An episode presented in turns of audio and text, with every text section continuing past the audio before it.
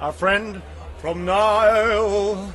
Pretty damn cool. That's a nice Frank Sinatra tone. Yeah. Is there any Sinatra in your in your voice? Uh, no, but our tour manager and uh, front house guy does a mean Sinatra impression. That's why I picked up on yours. Right Ah, perhaps I should hook up with him. away. I think you should maybe do some karaoke. So you just had a new album out. Those whom the gods detest. Pretty cool stuff. Can you tell us the story about it? Is it once again an Egypt theme, or is it a Lovecraft theme? No, this is more universal. This is saying that all of us, me, you, the entire metal audience, we are all those whom the gods detest. Pretty heavy stuff. Yeah! Fucking heavy as fuck. Blast Uh-huh. beats, downtuned guitars, growling vocals, Fast drumming, very fast drumming. cool licking on the guitars. cool and hot. Yeah. It goes hot and cold. Pretty cool. Both of them. This is the thing I've been uh, promised a friend to ask you. I have a very good friend in, in uh, Germany, in a town called Göttingen. He is an Egyptologist. That's a hard word for a Swedish guy to say. You did well. Yeah, thank you. And you know, this question you have to answer because his actual name is Frederick Krueger. Frederick Krueger. so beware. He- uh, so this is a fan question, right? How come that you are so influenced of both Egypt and uh, Mr. Lovecraft? Well, I like both of them.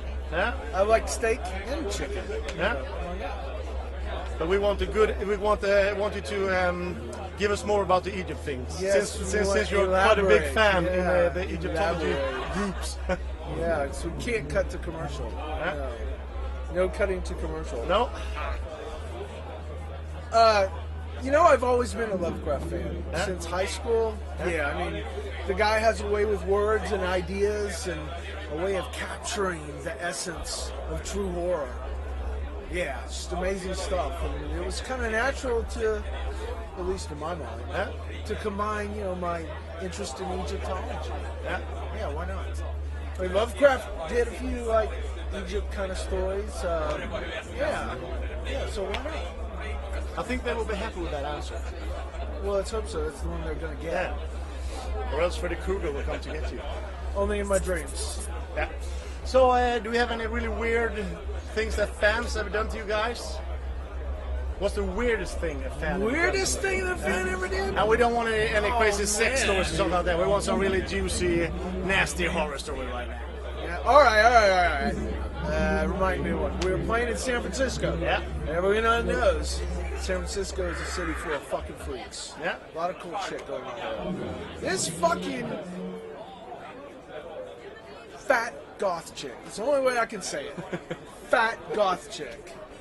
Full of all this fucking vampire rings and vampire jewelry and weird ass black vampire clothes comes running up to me after the show and just has to shake my hand. Okay, all right, whatever. But as I reach my hand out, she takes this this hook that's coming out of of rings on one of her fingers, slashes my hand Ah. to get the blood. And as soon as she got the blood, she like she freaked out and like started running away. Like that was what she wanted. And I'm going, what the fuck is this bullshit?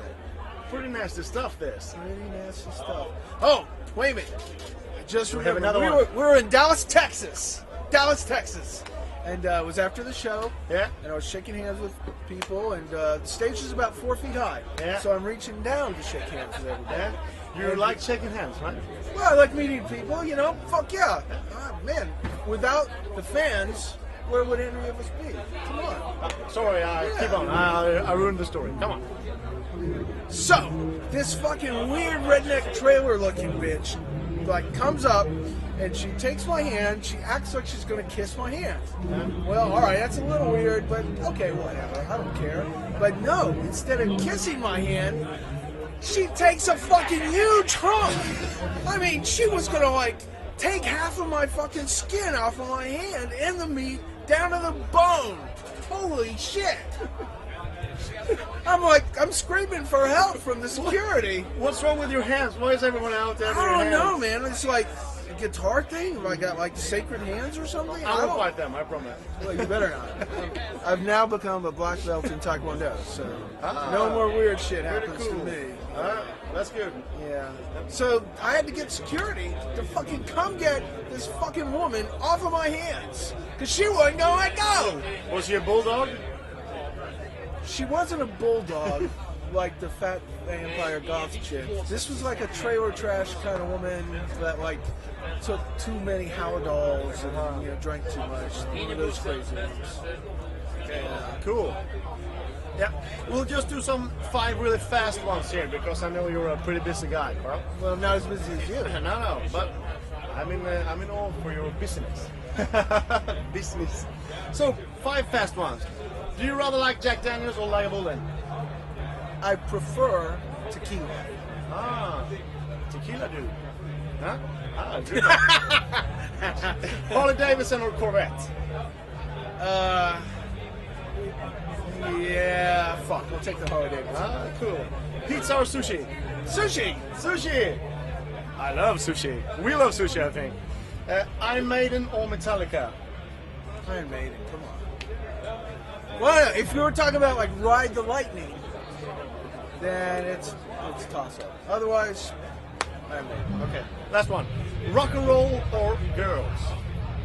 It's the same thing. It's the same thing. How do you choose between rock and roll and girls? I don't know. I'll take the metal. Huh? Yeah. The one who's doing his own way. Pretty good. Well, Carl, I will only shake your hand. I won't bite it. Thank you, sir. Thank you very much. Crack it up here with Niall.